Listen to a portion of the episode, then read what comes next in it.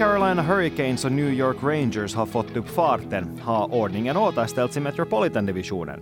I veckans avsnitt av Yle Sportens NHL-podd fokuserar vi på dessa två lag och med det har du Anders Nordensvan och Mattias Simonsen. Och kul att i New York Rangers så har Capo Kakko verkligen kommit igång nu medan Carolina får klara sig utan sin första center Sebastian Aho.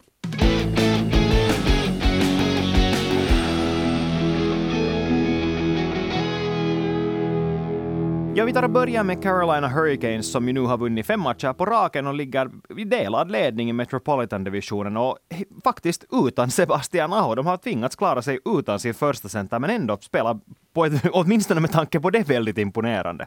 Och inte bara fem matchers segersvidd, de har i elva eh, matcher i sträck poäng, vilket ju är ganska strångt gjort. Och det där. Så, så Carolina Hurricanes börjar vara där nu var vi kanske tippade att de skulle vara i början av säsongen. Och nu blir det ju väldigt intressant för inkommande natt, natten mot onsdagen så är det en sån här verkligt stor match mellan Carolina och New Jersey Devils. Lagen som för tillfället ligger på jämna poäng i ledningen av Metropolitan. Så någon del av de här lagen kommer att ta över som etta. Med tanke på hur bra Carolina var inför säsongen så är det absolut ingen överraskning att de hittas här. Har inte heller haft det lika motigt som många av de här andra topplagen, eller topptippade lagen i Metropolitan-divisionen. Och om inte New Jersey skulle ha varit så bra som de har varit hittills så skulle Carolina redan nu vara etta. Men ja, det blir verkligen intressant att se hur de klarar av den utmaningen. Men ändå har de ju slagit bra lag också. Det är ju inte som att de har mött något bottenlag den senaste tiden, utan till exempel slagit lag som Pittsburgh Penguins. Och, och Carolina har gjort en, det, ska vi säga att Carolina spelar nu på ett sätt som åtminstone i mina ögon gör att de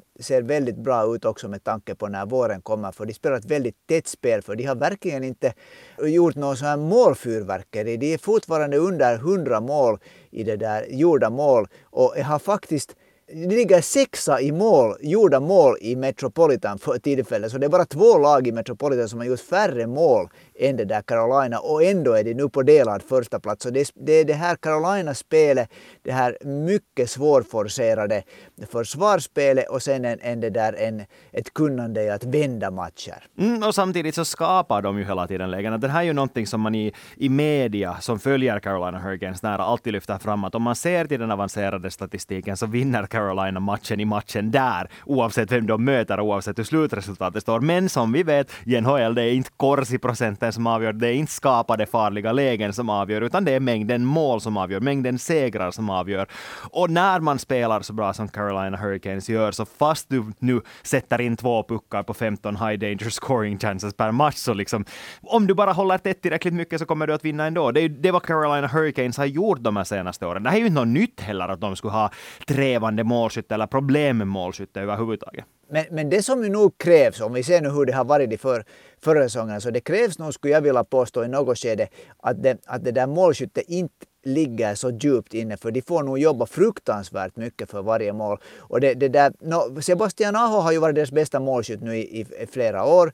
Det där, han kommer tillbaka så småningom. eh, och sen väntar man ju på att Max Pacioretty, spelaren som, som skaffades in till Carolina uttryckligen för att han är en bra målskytt, att han så småningom ska vara i spelskick och det ska vi se här ungefär i årsskiftet. Och det ska bli väldigt intressant.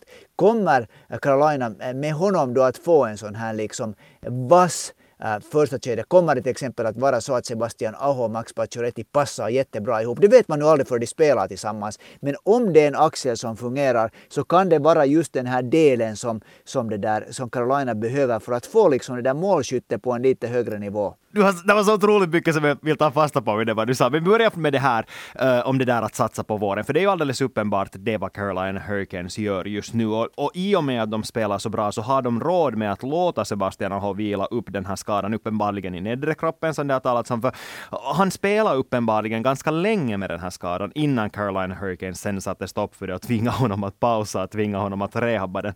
Så att eh, det skulle de ju nödvändigtvis inte ha gjort om de hela tiden skulle ha varit på samma sätt som Rangers har varit den här säsongen, lite i kampen om en av de där wildcard-biljetterna till och med. Att då skulle man kanske inte ha råd med att Sebastian Aho tar en lite längre sjukpaus, utan då skulle man kanske försöka pusha honom så mycket det går i och med att man vet att man behöver hans ledarskap där i truppen. Så, så på så sätt negativt såklart att Sebastian Aho är skadad, men positivt är ju det att de verkar ta den här skadan på allvar och låta honom återhämta sig ordentligt så att han ska vara i skick på våren. Och sen är ju Rod Brendamore den här, den här coachen som jag på något sätt tror att han, också, att han på ett sätt tänker att hej, att, att för att Sebastian Aho har ju varit deras bäst, bästa poängplockare nu i, i fyra år i sträck.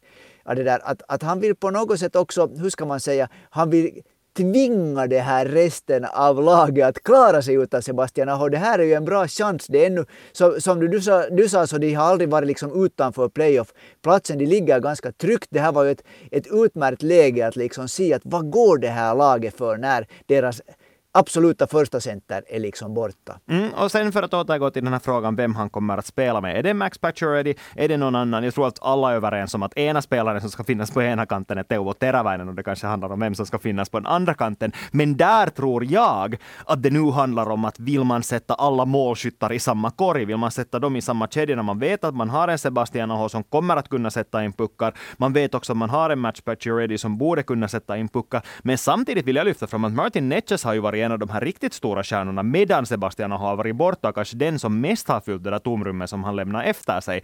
Och i och med att Aho Netches har spelat så mycket tillsammans tidigare så känns det kanske för mig mer naturligt om jag skulle vara Rod Brindamore och jag beefar upp mig, går på gymmet och lyfter en massa skrot för att fylla ut en kostym för att sen ställa sig med i ett presskonferensutrymme i Rally, så skulle jag säga att jag vill ha Sebastian Aho och Martin Netches i den här superförsta kedjan. Det, det radarparet kan bli svårstoppat medan man sen har Match Pacioretty till exempel i tvåan där han sen kan bidra med målskytte från en, i en annan kedja. Det här är alltså väldigt intressanta frågor. Jag, jag det där, med all rätt hyllar du mycket Natures. Men så ska vi komma ihåg att det är faktiskt så att Natures ligger bara en poäng före Andrei Svetjnikov i interna poängligan.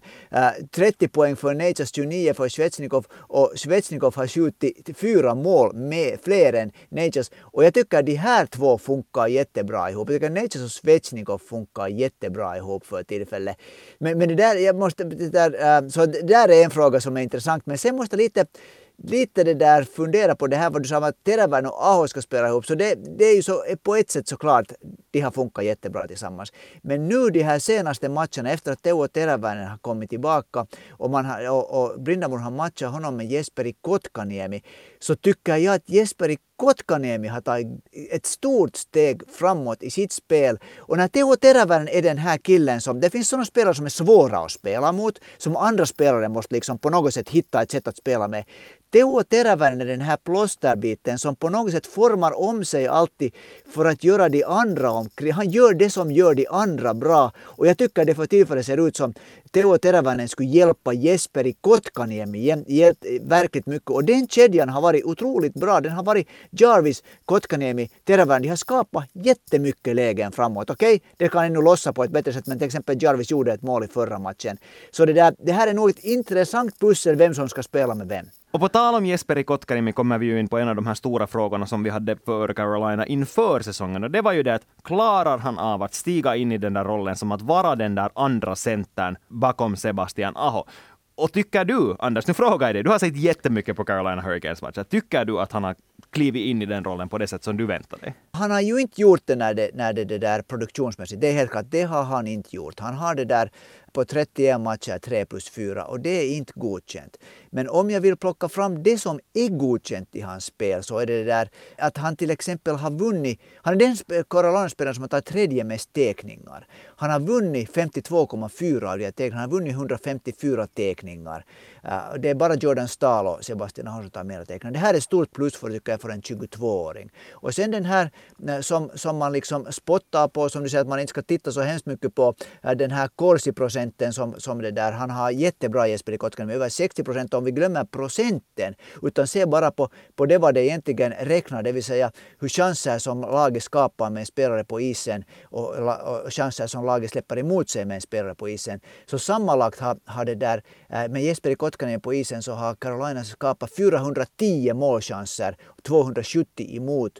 Så hur ska jag säga, det enda som för tillfället, och det är ett stort för tillfälle, fattas från Jesper Kotkaniemis spel är att det skulle börja att bli poäng han gör jättemycket saker bra, men, men det där, det, att vara andra center så måste bli poäng. Och därför tänker jag att kan den här Teo Teräväinen-biten, kan det få eh, äh, Jesperi Kotkaniemi att liksom växa till en effektivare spelare? Mm, alltså det som jag tror att räddar Kotkaniemi för jag, jag håller alltså helt 100% med dig. Jag, jag, jag, jag, jag tycker nu inte att Korsi-procenten är så där otroligt ovärdig som du på något sätt sätter ord i min mun här. Men nej, jag, jag tycker inte att Korsi-procenten säger överhuvudtaget hela sanningen, men jag tycker att också den är fingervisande för hur en, en spelare kan spela. Jag tycker i Jesper, Jesper Kotkaniemis fall så säger den ganska mycket om att han är bra på att styra spelet, eller när hans kedja är inne på isen så är pucken i den andra änden i offensiv zon. Men ja, helt exakt som du säger, så han måste ju stå för de där poängen. Och en sak som har räddat honom hittills under den här säsongen är ju där Jordan Stahl fortfarande visar att gammal är äldst och att han fortfarande kan stiga in i en sån här mer offensiv produktiv roll. Och det med alla de här namnen som vi nu nämner, så den stora styrkan för Carolina är att de här killarna, de här unga killarna hela tiden har blivit eh, ett år äldre, mer mogna. Svetjnikov och, och, och Neitsa skulle jag vilja påstå att den här säsongen tar, tar steget till att bli riktigt, riktigt starka spelare i NHL. Att, att Carolina har ett otroligt urval på spelare. Vi har inte ens nämnt Paul Stastny som för tillfället hoppar in som första center istället för Sebastian Aho. Fyra kedjor som verkligen fungerar så att Carolina liksom, den här klysch, eh, största klyschan av alla klyschor, ett lagmaskineri, verkligen det vad Carolina är för tillfället. Sen måste vi gå vidare till en till nyckelfråga, eller ska vi säga så här, en ganska intressant fråga. För det som Carolina Hurricanes ju egentligen alltid har haft, de här när vi tittar på Rod Brindamores tid i, i, som Hurricanes, som tränare, så är det ju det att de har haft ett väldigt fungerande målvaktsspel. Och alla chansningar som han har tagit med målvakterna fungerar ganska bra. Fredrik Andersen, Antti Ranta har varit stabila och nu har vi en, en ung rysskeeper, Piotr Kochetkov, som har gjort alldeles makalös succé som Carolinas första målvakt. En spade som han har tagit över helt enkelt i och med att Fredrik Andersen har varit borta. Och här har vi fått in en fråga. Sebastian undrar, vad händer nu när Fredrik Andersen är i spelskick? Vem är det som kommer att ratas av den här trion? Jag tycker att svaret är helt klart. I och med att Piotr Kochetkov har, har på 14 spelade matcher, han har en räddningsprocent på 92,3 medan både Antti Ranta och Fredrik Andersen ligger på under 90.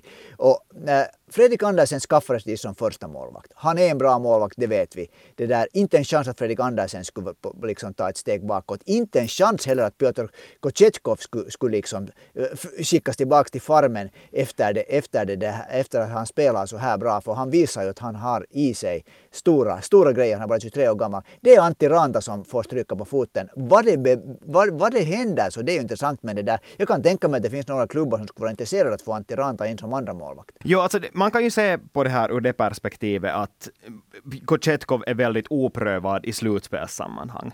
Men i och med att han har varit bra, just så bra som han har varit just nu, så måste de ändå ha honom med. För faktum är att både Andersen och Ranta har en historia av att bli skadade, så du kan inte lita på att den där andra ens som du håller kvar, eller att båda skulle hållas i spelskick sen när det börjar väga tyngst, alltså sen på våren, utan du behöver den där Kochetkov där, som dessutom då är ung, vilket Andersen och Ranta ju inte heller är. De är väldigt ålderstigna i jämförelse. Så nej, jag håller faktiskt med dig till 100 procent att Antti Ranta har inte längre en plats i det här laget. Nej, inte, inte som det ser ut om nu inte Fredrik Andersen är alltför långtidsskadad. Men när han kommer tillbaka så tror jag nog att Carolinas eh, GM eh, sitter, sitter och funderar på var, vad han skulle kunna få för Antti Ranta, vem som skulle intressera. För Antti Ranta kan ju inte skickas ner till farmen. Det, är ju liksom, det gör man nog inte till en 33-årig målvakt. Nej, men de kan sätta honom på waivers-listan och se vem som plockar upp honom.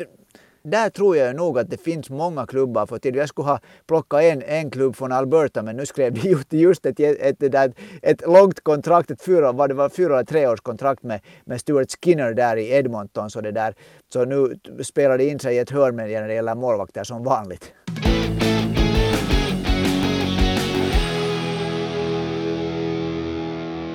Om Carolina Hurricanes har spelat bra den senaste tiden så kan detsamma verkligen också sägas om New York Rangers. Sju raka segrar har stigit till trea i Metropolitan Division. Ja, de har ett sämre poängsnitt än fyran Pittsburgh, men ändå, de är på allvar med i snacket om att vinna hela divisionen igen. Just det, och det där, och där är ju också vi sa att, att New Jersey och Carolina har ett prestigemöte nästan att eh, det där är fyra poängs match. Pittsburgh och, och New York Rangers ska spela natten mot onsdag och där är det också liksom antingen kan New York Rangers eh, dra ifrån Pittsburgh eller sen kan Pittsburgh komma upp jämsides eller till och med gå förbi eh, New York Rangers i den här matchen. Så där är också, det är ett prestigemöte och det är två lag som inte alls gillar varandra. Speciellt efter eh, förra vårens, eh, förra vårens det där playoffsmöte. Så här är mycket intressant den här kampen om, om den tredje platsen. Men som du säger så New York Rangers siktar ju inte på att vara trea, de siktar säkert på att stiga uppåt ännu i Metropolitan. Mm, enligt mina spåkulstippningar förra säsongen ska de vinna President's Trophy, så det börjar bli bråttom nu, Rangers.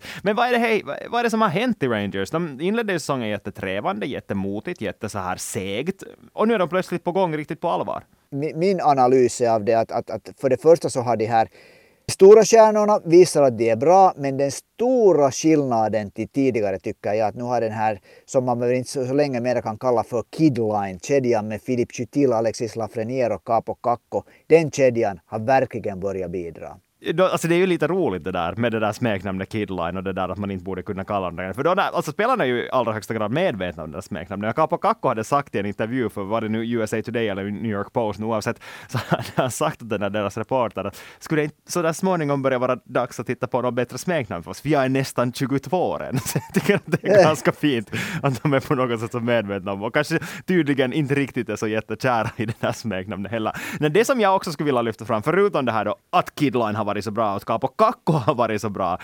Massor med poäng den senaste tiden som vi inte alls är vana vid att se ur hans perspektiv. Men också det att Artemi Panarin och Mika Zibanejad spelar tillsammans. För det har de ju verkligen inte gjort mycket ända sen Panarin flyttade till Rangers. Men nu spelar de tillsammans, de här två största stjärnorna tillsammans och det har lett, lett till resultat. Jag tror att det är jättebra. De har, de spelar, de har Barkley Goodrow nu som spelar tillsammans med dem. Barkley Goodrow är ju den här sandpapperspelaren sandpappersspelaren som har vunnit ett par titlar i, i, i, det där, i Tampa Bay Lightning. Eh, han eh, tror jag är en spelare som passar jättebra in, in med de här två. Nå, eh, Mika Zibanejad ska man inte kalla för en artist. Han är nog en spelare som, som är bra över hela isen. Men, men det där passar bra ihop med, med utpräglade artisten Artemi Panarin och Zibanejad. Och sen skulle jag nog säga att det har varit en viktig pusselbit. Nu har han kommit, blivit verkligt varm i kläderna i New York Rangers. Att Vincent Trocek som kom eh, från Carolina till New York Rangers, han har blivit verkligt varm i kläderna nu i, i Madison Square Garden. Och han och Chris Kreider funkar bra ihop. Där är Jimmy Vees i tredje. Så de här pussel, Galants liksom kedjepussel han tycker jag nu hittar en sån här. Han har, han har många kedjor som funkar riktigt bra. Mm, sen är ju Galant också tränaren som har en ganska låg tröskel att rycka om i kedjorna, så jag skulle inte heller säga att, att det som det ser ut just nu, det är vad vi ser framför oss och det som de har spelat de här senaste matcherna, så det kan se egentligen helt annorlunda ut än i den andra perioden mot Pittsburgh Penguins, den här nästa matchen som de kommer att spela när vi bandar in det här avsnittet. Alltså. Men ja, och det att de har Trocheck, så det är ju det som har tillåtit Goodrow att nu spela i samma kedja, för annars skulle de ju behöva honom som tredje center. Jo, det är sant. Ja, det, det, är sant, men det där, men Vincent Trocheck är ju nog, i, i mina ögon åtminstone, han är en väldigt bra offensiv center när spelet stämmer. Så, jo, jo, det har han. på ett helt så, annat så sätt än vad Det är liksom rätt plats för honom att vara där tycker jag, i en topp sex. Jo, det tycker jag absolut. Och jag, Ja, alltså, han är ju just nu, ska jag, han är ju inte i en topp 6, alltså Trocheck, utan han är ju tredje center. Egentligen om man tittar på det, om du inte har Kidline som tredje kedja. No, alltså, no, det, det, det, tycks finnas på de här olika sajterna olika, på olika sätt som de ställer upp de här kedjorna. Jag har framför mig en, en The Morning Pack där det där Trocheck-kedja är etta för tillfället, men det är det där, det, det är nu hur man räknar på det, på det, det där.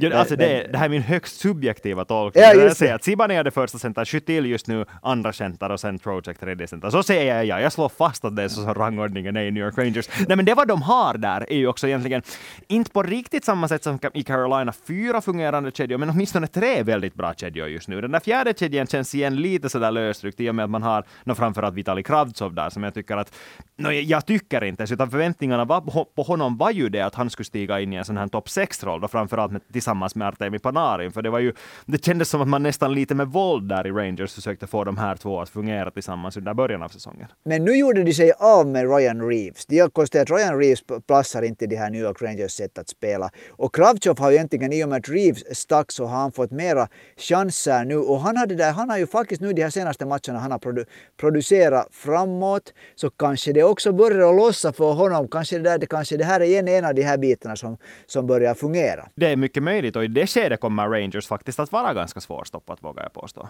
Jag skulle säga att hur som helst så kommer det nog... Nu tycker jag att Rangers, liksom, och, och, och Sjestjorkin i målet har varit jättebra de här senaste veckorna. Det där. Och den spelaren, när vi talar om den här Kidlinen som jag nog skulle...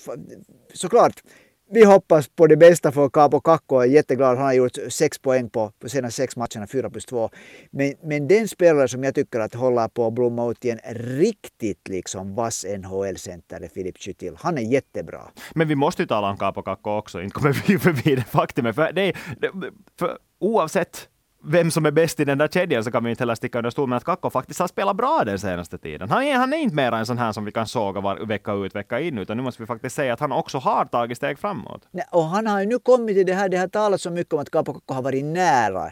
Nära att det ska liksom lyckas redan i ett par år. Men lite sådär, så när vi talar om Jesper i Kotkaniemi så puckarna har inte liksom gått in, poängerna har inte rasslat in.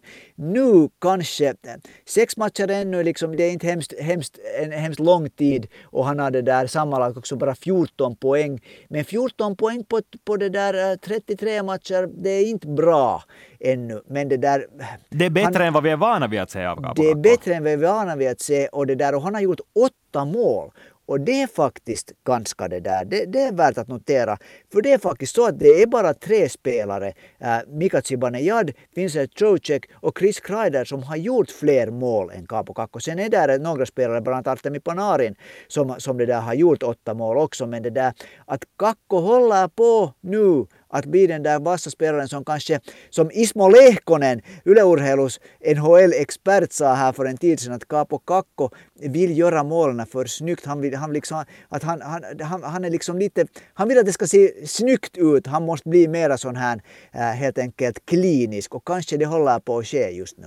Och här igen, för att lite återkoppla till det vad vi snackade om förra veckan, och det här att hur man kör in unga spelare i NHL. nu kan man ju inte mera, när det är hans vadå, tredje säsong i NHL, så kan man ju inte liksom längre snacka om att, om att man kör in honom på något sätt, utan nu är det ju nu som han ska leverera. Men jag tycker ändå att den här säsongen så har Gerard Gallants tålamod med honom varit alldeles otroligt, för han har ju fått spela enormt stora roller. Han spelar jättelänge i ettan tillsammans med Zibanejad och nu då tillsammans med Kidline som såklart fungerar av flera orsaker, inte bara på grund av att Kakko är där. Men ändå det, det har inte funnits det där att, att han ska blivit petad lika snabbt som han har blivit kanske tidigare säsonger när de där poängen inte har infunnit sig. Det som, de, de som analyserar Gerard Galants sätt att coacha säger att Gerard Galant är liksom han, han tillåter att spelare gör misstag. Och att det liksom, men, men det som han är väldigt noga med att han vill se att spelaren ger liksom sitt yttersta. Inte, inte liksom viker ner sig utan, och inte, inte på något sätt indifferent mot det som händer. Att han, liksom,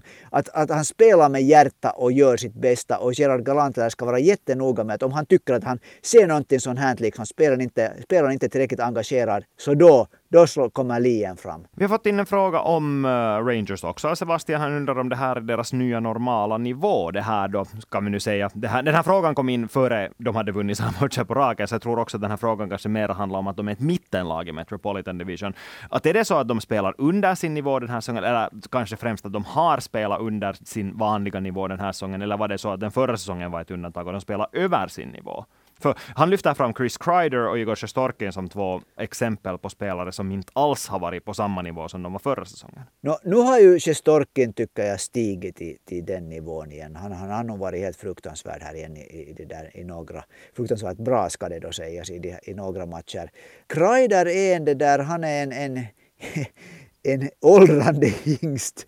Men han är det där fortfarande tror jag nyttig. Men det finns så väldigt många spelare som ännu antingen just nu är inne i sina allra bästa år eller håller på att komma dit. Jag skulle väl nog äh, tänka, min personliga åsikt är att New York Rangers var lite före sin utvecklingskurva egentligen förra äh, våren, då speciellt i slutspelet. Och det där, och mitt förväntningsvärde är att Rangers i ganska många år framåt kommer att vara ett väldigt starkt lag. Mm, det tror jag också. Jag skulle inte säga att de var hemskt mycket över sin nivå. Jag tror att det, det vad vi såg i grundserien förra säsongen är deras normalnivå. Helt enkelt, för om vi tittar på det här materialet som de har så ska de vara bra. Det är inte något snack om saken. Men med det sagt, så Chris Kreider är ju nog inte en 50-målsskytt på riktigt. Det, det, det att han satte in 52 puckar förra säsongen, så det var nog något extraordinärt. För jag menar, vi snackar om en kille som nu är 31 år gammal och som aldrig hade gjort över 30 mål per säsong. Jag är en stabil 20-målsskytt. Han kan vara en stabil 30-målsskytt, men aldrig i livet att han, han kommer, jag tror inte att han någonsin igen kommer att nå över 50 mål under en och samma säsong. Inte. Nej men igen, han för tillfället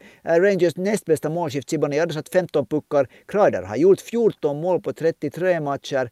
Om han är en sån där 30 plus målskytt och då kommer de här unga killarna, Lafreniere, Kakko, till och liksom fyller, fyller igen den där, det där hålet som blev där. Och, och, och faktiskt Vincent Trocek är också en jättebra målskytt egentligen.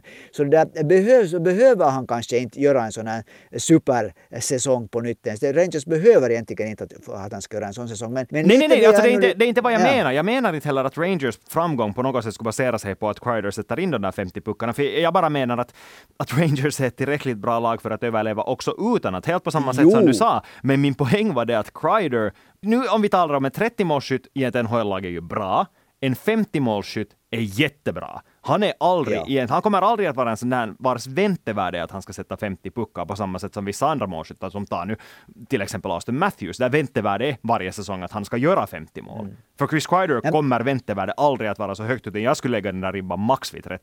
No, om han nu fortsätter den här takten så blir det ju över 30, att han har ju på 33 jo, jo, matcher gjort 14 mål. Så exakt, där, och, och, Rangers så, går bra, ja. Kreider går bra, så jag ska säga att det här är den normala nivån. Det vi ser Rangers göra just nu, det är den normala nivån. Det är, och, det är, min, det är min poäng här. Men, men jämförelse med förra säsongen, varför jag tycker det kanske, att det var lite överkant, var att, att det har vi tidigare också diskuterat, att Rangers vann väldigt, väldigt många matcher tack vare att Cestorkin eh, var helt omöjlig i målet. Okej, okay målvakten är en del av laget så det är helt tillåtet att vinna matcher med ett bra målvaktsspel. Om resten av laget, liksom, hur ska man säga, om det, om det blir mindre, mindre beroende av Sjestorkins superspel utan han bara behöver spela bra så det där, dit tycker jag att Rangers kanske är på väg mot, mot det läget för tillfället.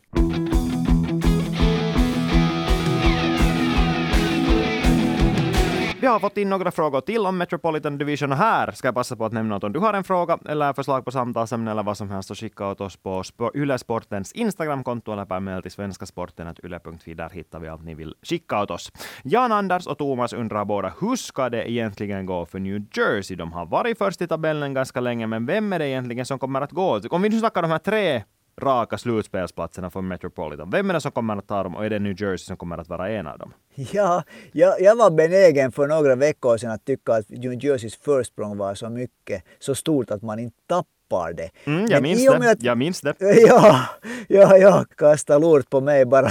Men i och med att man nu ser de här tre lagen som ligger ganska nära bakom. Hurricanes jämt, Rangers är tre poäng bakom, Pittsburgh fyra poäng bakom. Så det där, det är nästan så att jag börjar att tvivla på att åtminstone Carolina och New York Rangers går förbi New Jersey Devils. Nu tror jag ju att New Jersey Devils inte kommer att floppa, för det är ett bra lag.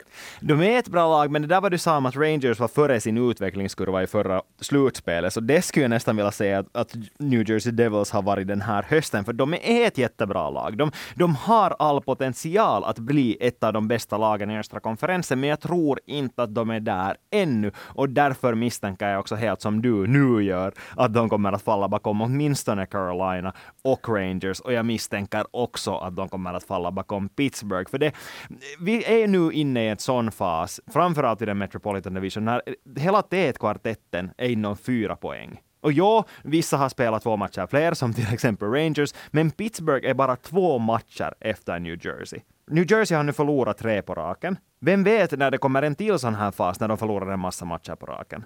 Och det, det, det är så jag vill säga att det här laget är så ungt och så oerfaret att det känns oundvikligt att det kommer att komma minst en sån period till under våren. Och Pittsburgh tvärtom ett så otroligt rutinerat och ett sånt lag som vi har sett de här senaste åren, att de levererar x antal poäng per säsong och jag tror att de kommer att leverera tillräckligt mycket för att i, hela tiden vara med i fighten och hela tiden pressa New Jersey och jag tror inte att New Jersey nödvändigtvis pallar för det trycket. Och det, det är bara min tippning att jag skulle säga att det är Carolina Rangers och Pittsburgh som går vidare med de där tre direktbiljetterna. Men med det sagt tror jag absolut att Devils går till slutspel via wildcard.